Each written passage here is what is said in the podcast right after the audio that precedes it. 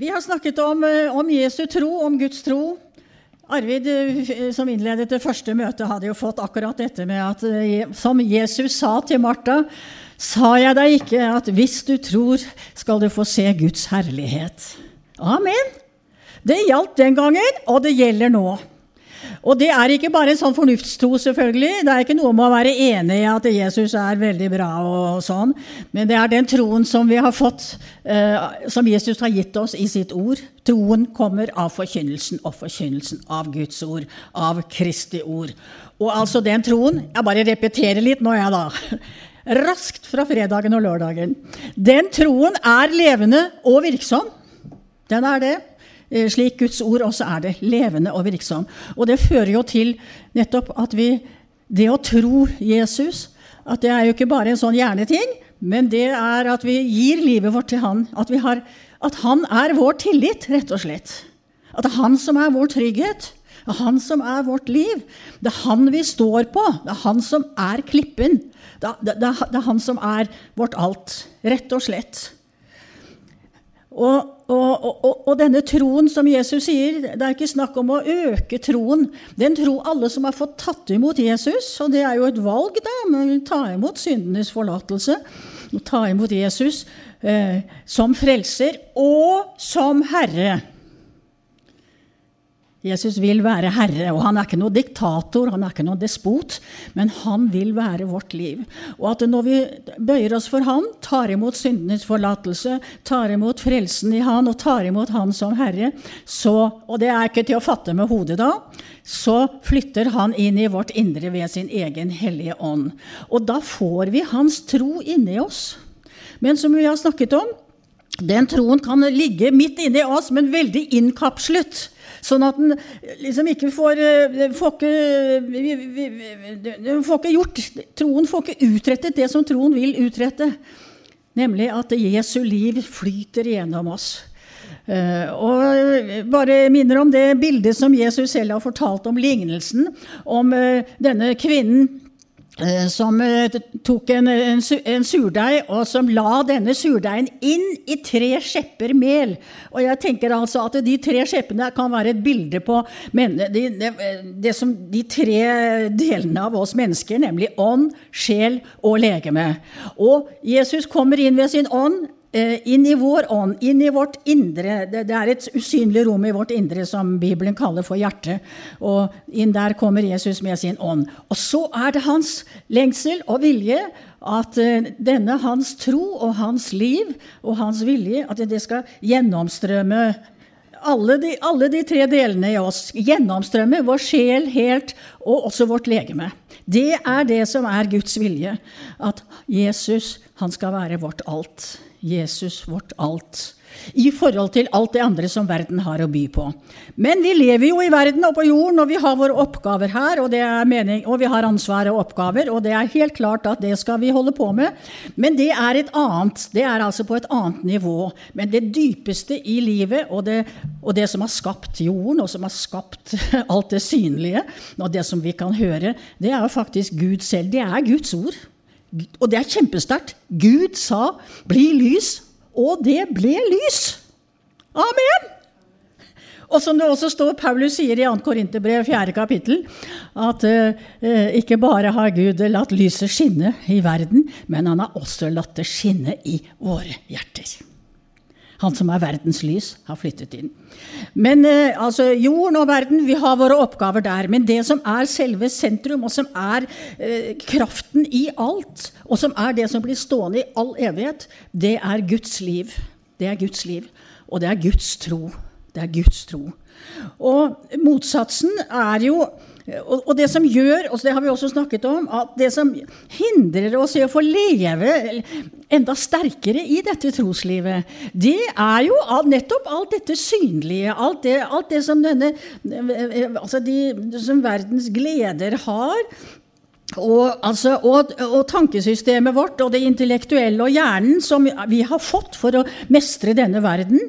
Og det er jo bra at noen gjør det, og jeg mener det er jo helt nødvendig med vitenskapsmenn og med alle som har oppgaver. Men, eh, men det, kan, men det, er noe annet enn livet i Gud. Det er noe helt annet enn en, en Jesu tro. Altså For Jesu tro og Jesus, det er liv. Det er liv. Og da er det sånn at det, dette menneskelige systemet med hjerne og tanke og forståelse osv., det kan altså bli en sånn nøtt som holder Jesus-troen eh, fast inni oss, sånn at Jesu liv og Jesu tro ikke får gjøre sin gjerning i oss, ikke får gjennomtrenge oss. Gjennomtrenge oss, altså. Eh, sånn som denne surdeigen som skulle gjennomtrenge eh, hele, hele, alt dette melet helt til alt var gjennomsyret. Og det er det som er Guds vilje. Så, så sier Bibelen det at eh, hvor din skatt er, der skal ditt hjerte være. Og, og det, I dag blir det sånn litt utfordrende, da. Ikke bare litt heller, det blir veldig utfordrende. Jeg skal bare lese Guds ord, så det, jeg finner ikke på noe selv, altså. Men det, det blir utfordrende. Hvor din skatt er, der vil ditt hjerte være. Og Derfor så blir utfordringen veldig hvor, hvor er, Hva er det som er vår skatt? Hva er det som er den dyreste skatten? Hva er det som vi aldri i livet vil slippe tak i, og som vi må ha selv om hele verden raser? Hvor er vår skatt? Hva er det som er det, det mest dyrebare, det mest verdifulle, det mest kostbare for oss? Er det livet i Jesus, eller er det alt det andre som er rundt, alt det andre i verden som kan friste, og som har sine fordeler, osv., osv.? Og vi skal huske på Jesu fristelse. Altså han, han ble døpt, og han eh, mottok Den hellige ånd. Og hva skjedde da? Da ble han utfordret på nettopp det, vet vi. Det står her. Djevelen kom og fristet ham. Altså, Den hellige ånd førte han ut i ørkenen. Ja, men Den hellige ånd, hvorfor det? Den hellige ånd, for at vi blir satt på prøve, altså.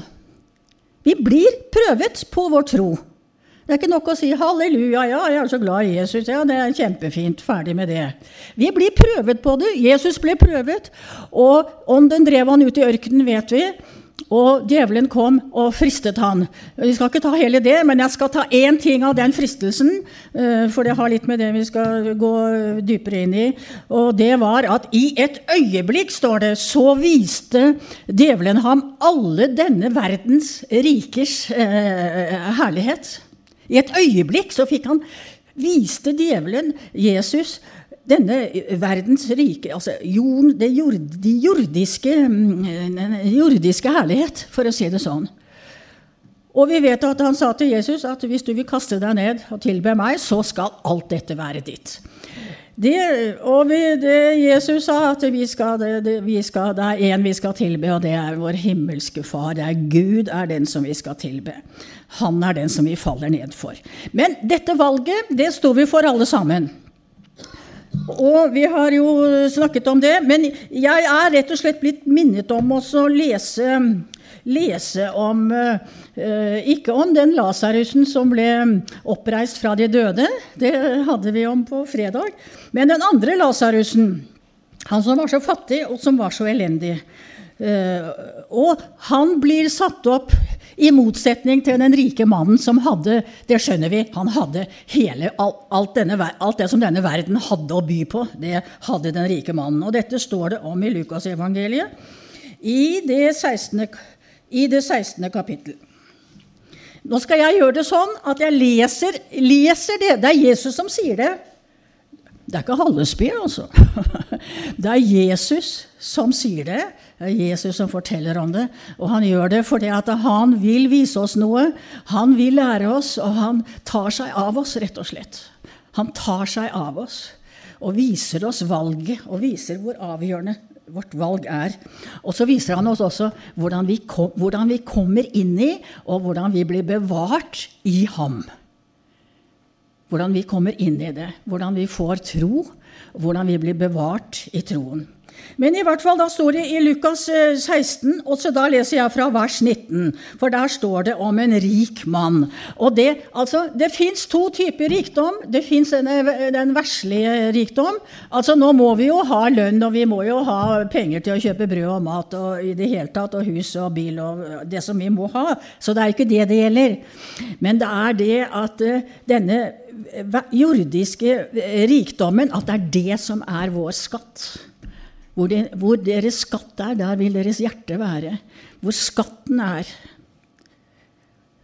Og det er det som er så avgjørende. Hvor er min skatt? Hva er det jeg setter aller høyest? Hva er det som er mitt liv?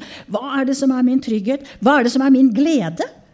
Hva er det som er min lyst? Hva er det som gjør at jeg syns at det er så herlig? Altså, Som Jesus sa til Martha, at hvis sa jeg deg ikke at hvis du tror, skal du få se Guds herlighet. Det finnes en guddommelig herlighet, det finnes en himmelsk herlighet, og så finnes det eh, jordisk herlighet. Og så vet vi at eh, da Gud skapte verden, så så han på det og så at det var godt. Det var fullkomment godt. Men så vet vi at det onde kom inn.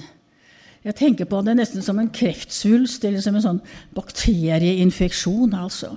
Hvordan det som Gud skapte så herlig og så godt eh, i det synlige i verden, det er blitt infisert. Og vi leser det, vi ser det på media, TV, aviser og på nettet hele tiden. Hvordan, hvordan det onde herjer i verden. På alle måter. Så det fins to typer herlighet. Det fins den jordiske herlighet. Og her står det om en mann som var rik i den jordiske herlighet. Jeg skjønner at jeg greier ikke å bare lese et vers igjennom. Jeg må begynne å kommentere litt. Men, men, i hvert fall, det var en rik mann, vers 19, som kledde seg i purpur og fineste lin, og som levde hver dag i herlighet og glede. Dette kan jo nesten høres ut som det fullkomne kristne livet. da. Altså i, kledd i lin, i det hvite linet, altså renset til Jesu blod. Og purpur, altså det er jo fargen på blod, Jesu blod, ikke sant? Levde hver dag i herlighet og glede. Det går an å ha et liv som ser veldig herlig og, og flott ut, da. Med menneskelige øyne og, og med jordiske øyne. Og det står om det her. En rik mann kledde seg i purpur og fineste lin, som levde hver dag i herlighet og glede. Og så kommer motsatsen.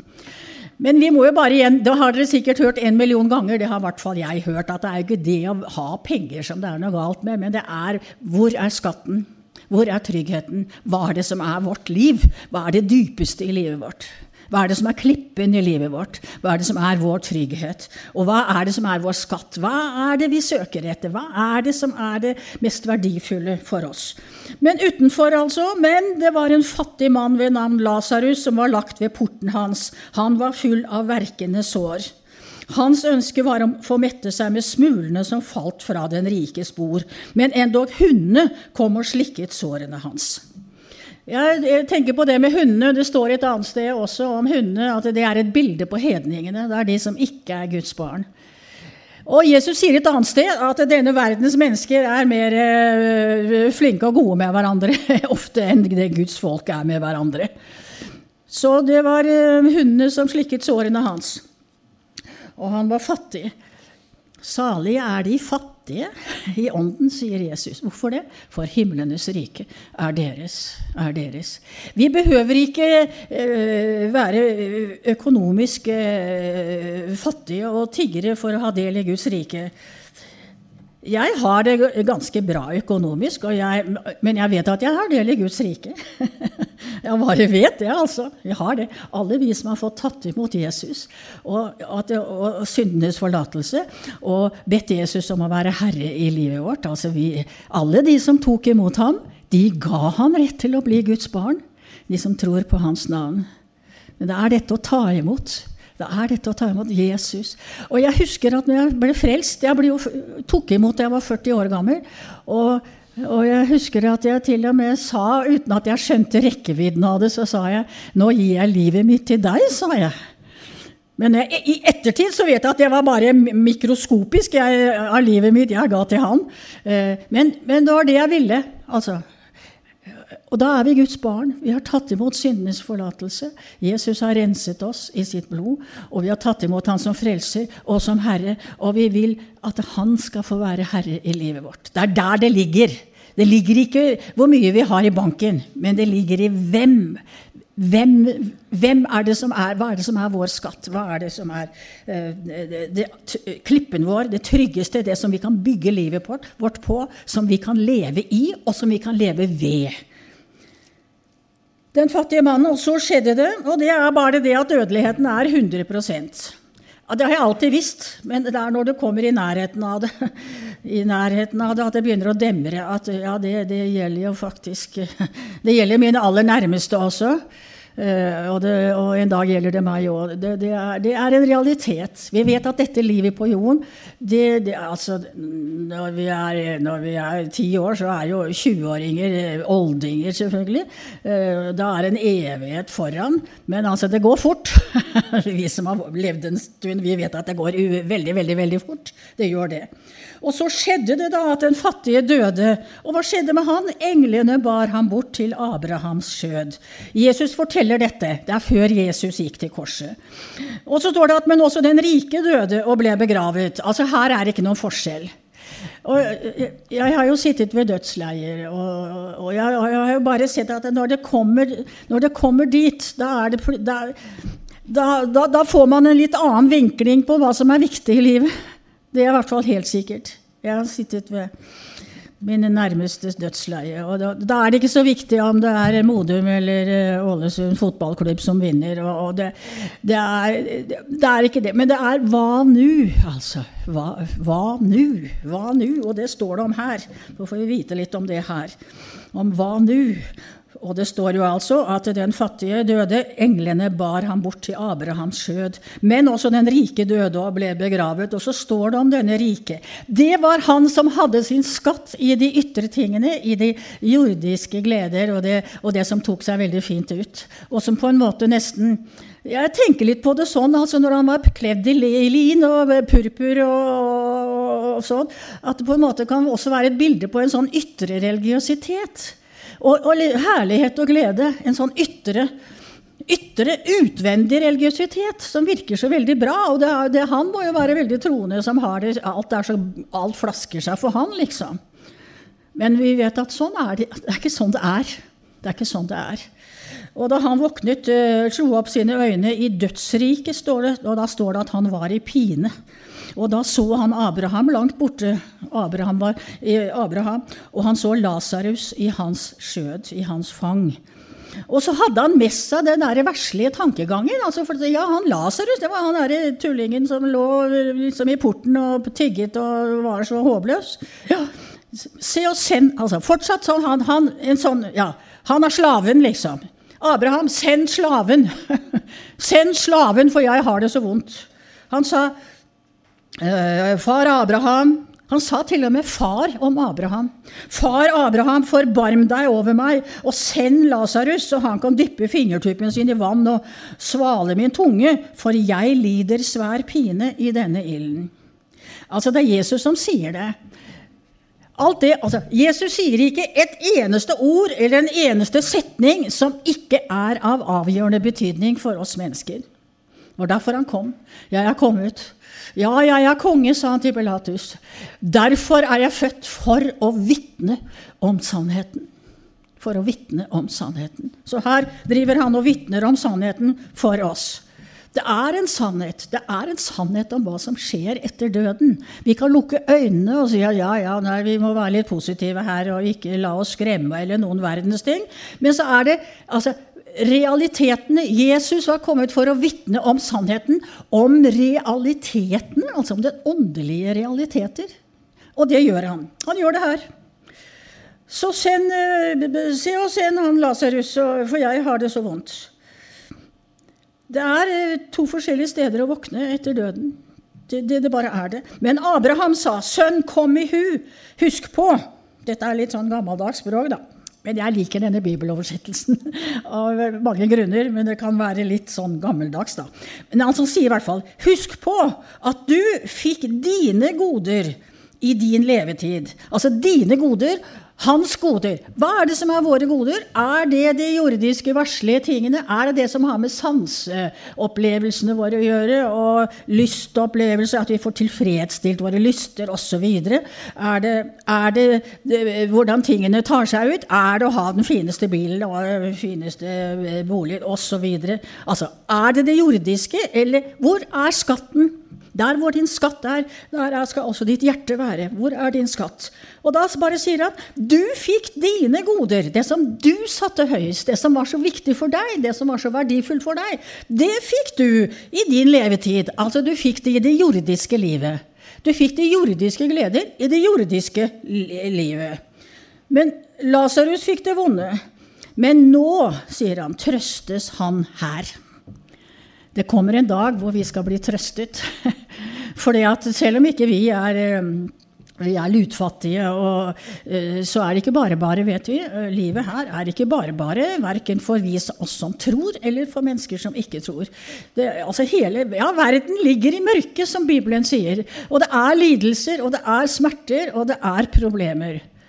Og da vet vi som har fått tatt imot Jesus, da vet vi at vi har det som er vårt håp, det er ikke at eh, når vi blir kristne, så skal bankkontoen vår ikke sant, vokse over alle dimensjoner. Men vi har et håp, et levende håp, om at det ligger noe der fremme. En himmelsk herlighet. Sa jeg deg ikke at hvis du tror, skal du få se Guds herlighet? Det er en guddommelig herlighet. Det er en himmelsk herlighet. Det er en evig herlighet som ikke vi har mulighet for å forestille oss i det hele tatt. Vi har ikke mulighet for å forestille oss det. Men det står jo en del om det her, sånn at vi, kan, vi, bare vet at ja, halleluja. Det, vi, vi, har noe forut, altså. Vi har noe forut som vi ikke kan forestille oss, men som er Guds herlighet. Og det er en herlighet som ikke er besmittet av noe fra syndefallet. Fullkommen.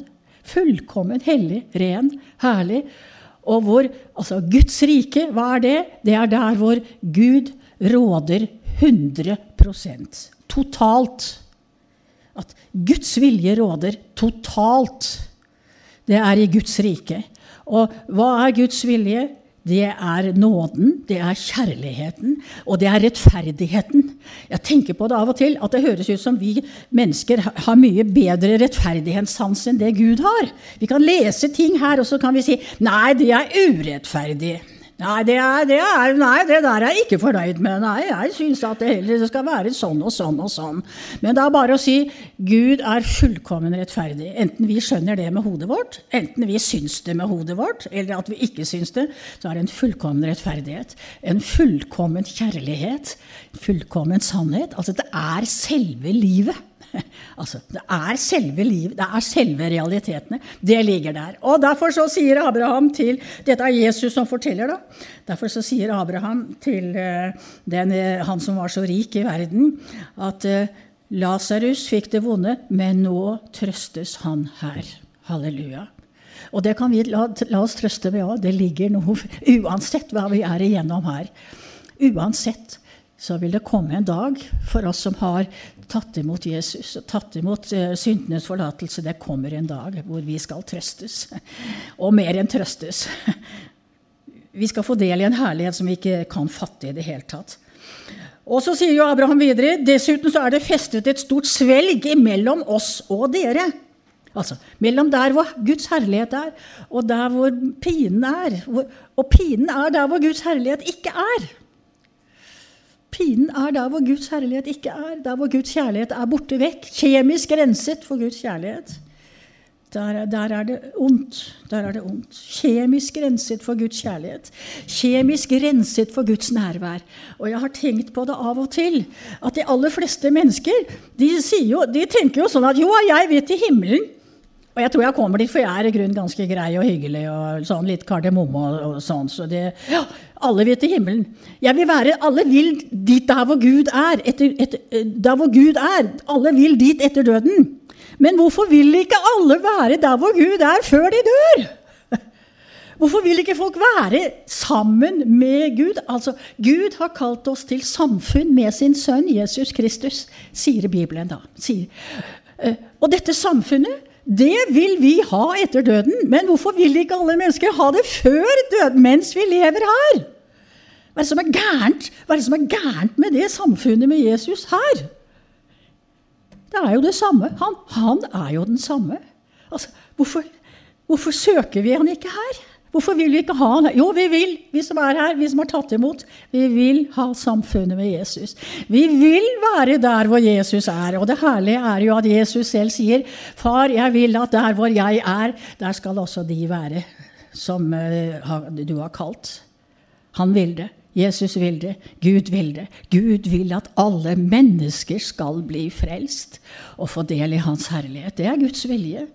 Og det andre i Guds vilje, det er at eh, alle, alle Guds barn skal helliges helt igjennom, og det står han for. Helliges. Mer og mer at Kristus skal bli alt i alle. Kristus skal være alt i alle.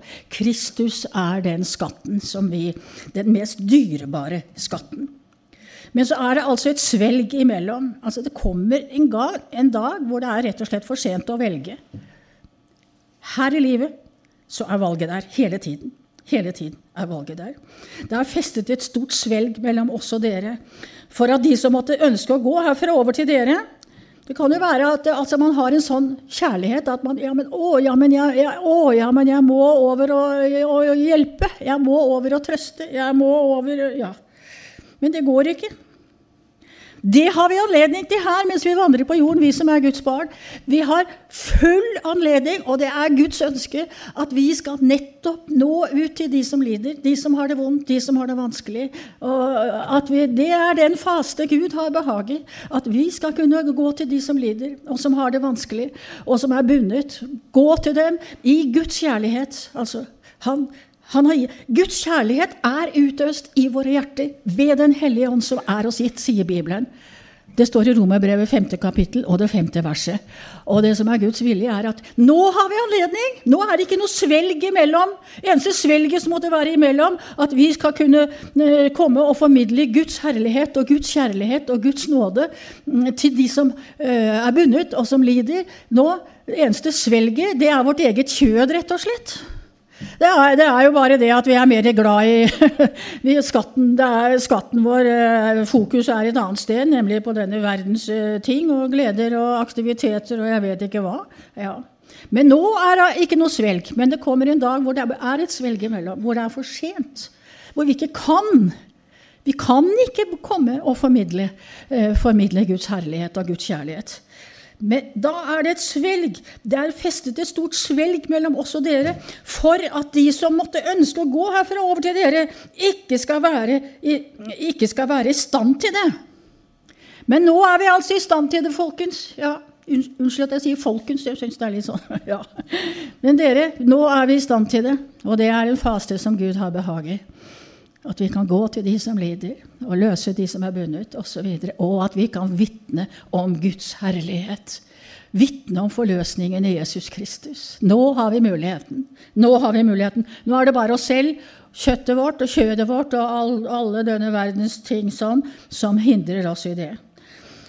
Det er festet et stort svelg mellom oss og dere for at de som måtte ønske å gå herfra over til dere, ikke skal være i stand til det. Heller ikke kan noen komme derfra over til oss. Det er en dag som kommer hvor det er for sent. Rett og slett for sent. Ja, men Gud er kjærlighet.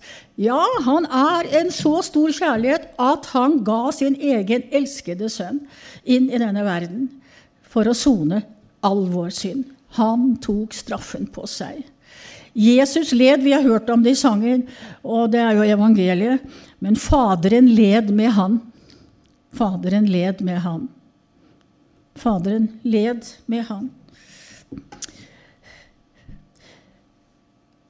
Inntil, inntil, det siste hjerteslaget så har vi mulighet til å velge. Og vi har mulighet til å forkynne og til å, å, å, å formidle Guds kjærlighet til ånd, sjel og legeme. Heller ikke kan noen komme derfra over til oss. Da sa han, den rike mannen, altså, så ber jeg da, far, at du må sende ham, sende Lasarus, altså. Send Lasarus til min fars hus, for jeg har fem brødre. det er bare si at Den rike mannen hadde omsorg for slekta. altså. Han hadde omsorg for, uh, han hadde kjærlighet til brødrene sine. Da, da, no, da han, altså, da, da han visste var blitt kjent med realitetene. At det var sant, dette her. Om at det er et, etter døden det finnes et sted hvor Gud ikke er, og hvor det bare er ondt, rett og slett. For alt, all Guds kjærlighet er kjemisk renset. Det fins ikke der. Ikke et gram, altså. Da fins bare det motsatte. Og han, eh, og han, tenker på sine fem brødre. Han har kjærlighet til dem, omsorg for dem. Ja, men si fra til dem, da! Altså, det er for sent med meg, men i hvert fall si fra til dem. Og det er den menneskelige kjærlighet. Vi har fått menneskelig kjærlighet. Det står om det i Bibelen òg, at da Paulus og, og, var, og skipet med Paulus på uh, bare forulykket og, og, kom til Malta, der bodde det såkalte hedninger, og de ga dem menneskelig omsorg. Masse menneskelig omsorg. Det fins menneskelig omsorg, og så fins det Guds kjærlighet, som ikke er av denne verden, og som er bare fantastisk. Og Derfor så sa altså den rike mannen, så ber jeg deg, far Abraham, at du må sende Lasarus til min fars hus, for jeg har fem brødre, for at han kan vitne for dem. Nå kan vi vitne så mye vi vil, særlig vi som bor i Norge. Vi blir ikke halshugget eller eh, slaktet eller noe som helst om vi vitner for ufrelste mennesker om at det fins en frelse, det fins en Guds herlighet, det fins syndenes forlatelse, det fins en dør, en port inn i herligheten. Vi kan fortsatt vitne. Kommer en dag hvor ikke vi kan få vitnet lenger. Men vi som er her, som, uh, hvor hjertet pumper og slår, og hvor vi er oppe og går, og vi lever, da har vi hver eneste dag har vi mulighet for å vitne. Vi har mulighet for å vitne. Det kommer en dag da vi ikke vil få vitnet mer. For, for, familien vår, for brødrene, for søstrene, for slekta vår, for naboene, for vennene våre. kommer en sånn dag. Men foreløpig så har vi muligheten til å vitne. Så ber jeg deg, far, at du må sende ham til min fars hus, for jeg har fem brødre, for at han kan vitne for dem, så ikke også de skal komme til denne, dette pinens sted. Det var en god menneskelig tanke. Det var bare at han var for sent ute. Han var for sent ute. Men Abraham sier til ham, de har Moses og profetene. La dem høre dem.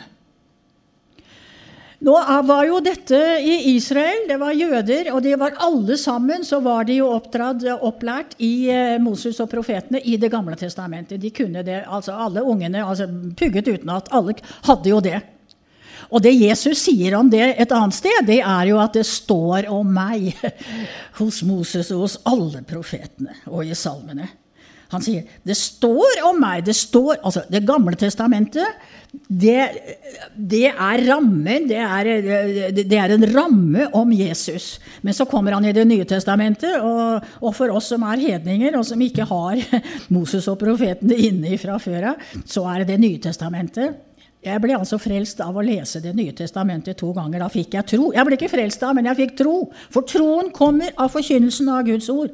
Og så ble det en veldig kamp, for det er en kamp. Jesus sier 'strid' for å komme inn gjennom den trange døren. Ja, men skal vi stride? Er ikke alt gjort av Jesus? Jo, men vi må velge. Og det er en kamp. Det er en kamp. Altså, jeg, jeg må bare, det, var, det har jeg virkelig kjent på kroppen, og det har vel de fleste kjent på kroppen. Altså den kampen som Ja, men jeg vil. altså Noe i meg vil. Jeg vil ha Jesus. Ja, men nei, jammen, jammen, nei, nei, nei, nei, nei, nei. nei. Strid. Det er en kamp, altså. Det er det. Men det er Det nye testamentet. Der er det jo åpent for oss hedninger. Men, det, og det er mitt vitnesbyrd òg, etter hvert som jeg ble veldig fortrolig med Det nye testamentet, etter at jeg ble, tok imot da, og ble frelst og født på ny og Guds barn, eh, så hadde jeg bare lyst på en eneste ting, og det var å lese mer i Det nye testamentet. Jeg orket ikke å lese noen andre bøker. Og hadde jeg heldigvis lest masse andre bøker før, så jeg hadde litt sånn ballast, kan du si. da. Men jeg leste det, og etter hvert, etter noen år, jeg tror det tok fire år, da bestemte jeg meg for å lese Det gamle testamentet. Men, eh, men, for israelittene, for jødene, de hadde Moses og profetene. Og Jesus han sier altså at det står om meg hos alle profetene fra Moses av og i salmene. Sånn at det sto om han der.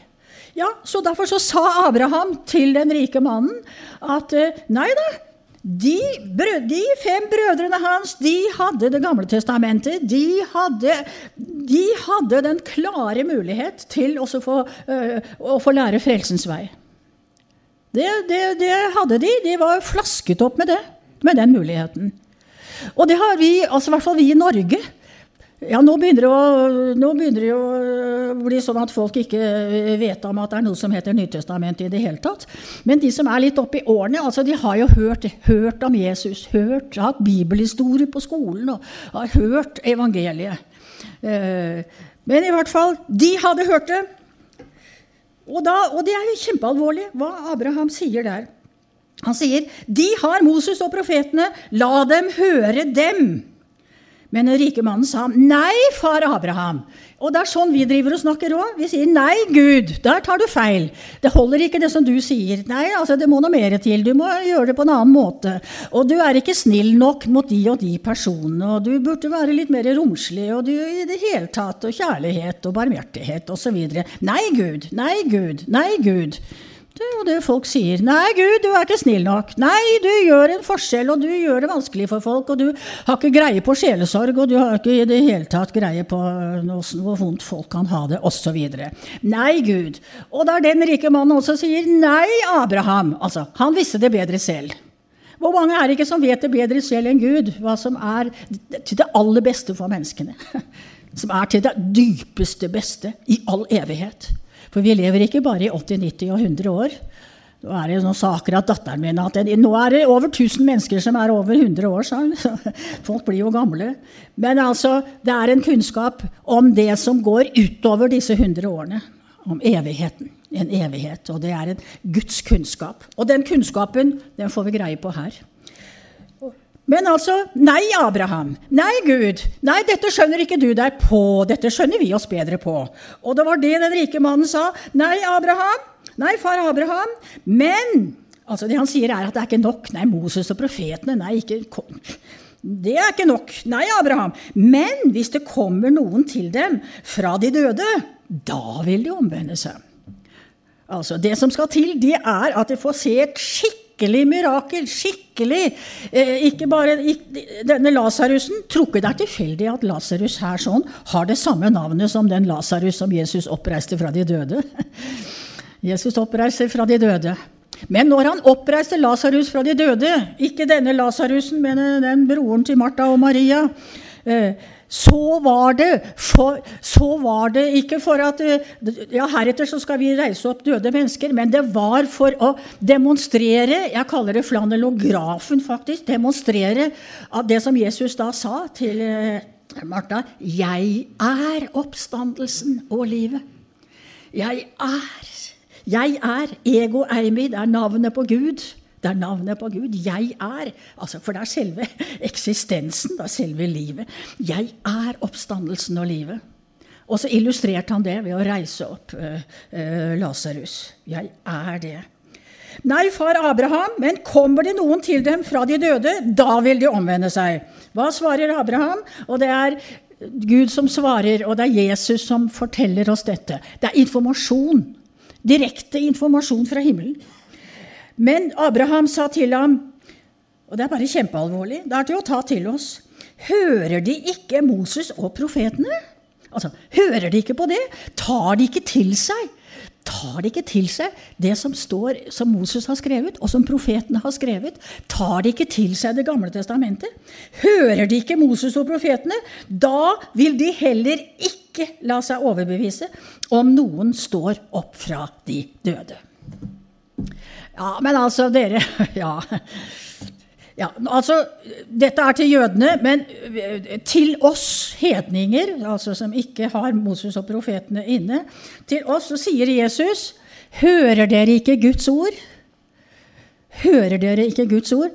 Så hjelper det ikke om dere får se de sterkeste mirakler. Hvis dere ikke tror Guds ord, hvis dere ikke vil høre på Guds ord, hvis dere ikke vil ta imot Guds ord, så hjelper det ikke de, de mektigste mirakler. Det hjelper ikke om, om, eh, om eh, hele kirke, nærmeste kirkegården, altså at alle de døde oppstår der. Det er én én en eneste måte å få den troen som er Jesu egen tro, og som er den frelsende tro, og som er den troen som fører oss inn i Guds herlighet og Guds rikes herlighet i all evighet. Og det er den troen som vi får ved å høre forkynnelsen av Guds ord, og, eller å lese Guds ord. Det er Guds ord. Det hjelper ikke, sier Jesus i denne lignelsen. Og da han legger det i Abrahams munn. Det hjelper ikke om folk, hvis folk ikke bryr seg om Guds ord, hvis de ikke tar alvor, på alvor det som står her, og det som blir forkynt ut ifra Guds ord, så hjelper det ikke. Så er det ikke noe annet som kan hjelpe dem. Det er ikke noe annet som kan hjelpe mennesker til å komme inn i Guds herlighet og inn i, i den evige herlighet, enn å ta til seg av det som Gud sier i sitt ord. Og troen kommer av forkynnelsen. Denne, altså, så står det, det er jo veldig masse å ta til seg uh, her. Uh, men det som jeg også begynte med altså Vi bare skjønner at vel, den rike mannen, han ble der. Han ble der. Lasarus, denne fattige mannen, han, han ble salig, og salig i all i all evighet. Men samtidig så er det det som jeg startet med å si, dette valget mellom denne verdens herlighet og det som er liksom vårt, og som er meg, og at jeg skal bli så fantastisk, og jeg skal ha det så herlig, og jeg skal ha det så fantastisk i denne verden. Det er, det, det, og Derfor så snakker Jesus i forhold til det som har med Guds herlighet å gjøre. Den himmelske herlighet. Sa jeg deg ikke at hvis du tror, skal du se Guds herlighet? Den troen som Gud gir oss gjennom hørelsen, forkynnelsen eller lesningen av Guds ord, det er en tro som fører rett inn i evighetens herlighet. Og det er en herlighet som vi som er Guds barn, vet at vi allerede nå har fått smake litt av. Som Bibelen sier, vi har fått pantet på vår arv. Den hellige ånd. Jesus bor i vårt hjerte. Sånn at vi har fått smake på det, men altså, det kommer en herlighet. Og da blir det hele tiden snakk om et valg, og det er i, det, i, det, i hverdagslivet. Jeg vil bare ta det også. Og det er i vårt liv her, og det er en utfordring til oss kristne også stadig vekk. Hvor er skatten vår hen? Ja, men jeg har tatt imot Jesus. Ja, men hva er det som er det? Er det han som er det viktigste? Er det livet i han som er det viktigste? Er det hans ord som er det viktigste? Er det samfunnet med ham i bønnen som er det viktigste? Eller er det alt mulig annet? Alt det som er mitt, alt det som jeg kan pumpe opp min selvfølelse med, osv. Og, og som jeg kan ha moro av, og jeg kan underholdes av, eller hva er det? Og da står det faktisk videre her Nå har jeg lest i, i kapittel 16, men så står det faktisk i neste kapittel i Lukas. Da står det også om dette valget, og det er synliggjort ved at Jesus sier, snakker om den dagen da han kommer tilbake for å hente alle sine, altså den siste dagen. Men det valget gjelder hver dag for oss også. Det gjelder hver dag for oss også. Hele tiden. Hvilken side er vi på? Hvor er det vår skatt er? For hvor vår skatt er, der er, vil vårt hjerte være. Hvor er det? Og Da sier Jesus i Lukas 17, også fra vers 31, om den dagen han kommer. Og da sier han på den dag må den som er oppe på taket og, og har sine ting inne i huset Det er snakk om våre ting, altså. Og det er våre jordiske ting. Våre jordiske skatter. Den som har sine jordiske skatter inne, inne i huset. På den dag må den som er oppe på taket og har Det er den dagen Jesus kommer for å hente sine. Da. Og han kjenner sine. Jesus kjenner sine. Han går ikke på det ytre. Det nytter ikke å kle seg ut med purpur og, og lin og, og, noe som helst, og, eller noen fine religiøse greier, eller uh, sånt noe. Jesus kjenner hjertene. Han går etter hjertene. Også på den dagen han kommer. Men det er dette valget som gjelder hver dag for oss nå også. Hver dag for oss. På den dagen. Da må den som er oppe på taket, hvis noen skulle være der og det jeg mener, og Israelittene levde jo masse oppe på taket. Eh, da, og, og hvis han har sine ting inne i huset, da må han ikke stige ned for å hente dem. Ja, men jeg må, ja, men jeg må, ha, ja, men, ja, men jeg må ha med meg Ja, men jeg må jo ha det! Jeg må jo ha med TV-en! Ja. Jeg må jo ha med bankboka mi. Jeg må jo ha med, må jo ha med tingene Jeg må jo ha med bilde av meg selv. Jeg må jo ha med alt mitt. Jeg må ha med eksamenspapirene mine. På den dag må den som er oppe på taket og har sine ting inne i huset, ikke stige ned for å hente dem. Der har vi valget. For den dagen, det er når Jesus virkelig kaller, altså. Når han kaller og kommer og henter. Ja, men da Der kommer han. Der kommer han. Der er Jesus. Da er det liksom bare å glemme alt. Strekke ut hendene. Her er jeg, Jesus. Jeg har ventet på deg. Hele livet har jeg ventet på deg. Kommer du nå? Skal jeg få være sammen med deg? I all evighet nå. Jeg vil at de som du har gitt meg, skal være der hvor jeg er, sier Jesus. På den dag må den som er oppe på taket og har sine ting inne i huset, ikke stige ned for å hente dem. Heller ikke må den som er ute på marken, og altså da, det står ikke det, men det er klinkende klart, han og som har sine ting hjemme, heller ikke må den som er ute på marken, vende hjem igjen. Og så sier han 'Kom Lots hustru i hu'. Husk på Lots hustru. Og det vi var innom det går, jeg bare uh, gjentar det i dag, at uh, hun, hun, ble jo av englene tatt ut av Sodoma, ut av det mørke, ut av, av den mørke verden uh, og syndens verden, og var på full fart ut i friheten og inn i friheten. Englene tok henne. Men hun kunne ikke annet enn å lengte tilbake til de jordiske skattene. Hun kunne ikke annet. Og da sier jo Bibelen i Det gamle testamentet da ble hun til en saltstøtte. Hun ble til en saltstøtte. Husk på Lots hustru. Og så fortsetter Jesus å si, altså, når, når, når han kommer for å hente sine Den som søker å vinne sitt liv. Og det er hele det jordiske, det er alt det kjødelige, alt det som vi som menneskelig sett syns er så fantastisk, og som den rike mannen eh, hadde så masse av. Den som søker å vinne sitt liv, skal miste det. Og den som mister sitt liv, skal bevare det. Det er disse kjødelige, jordiske. Altså, hva velger vi? Hva er det som er viktig? Og så fortsetter han og sier, og da har vi valget igjen.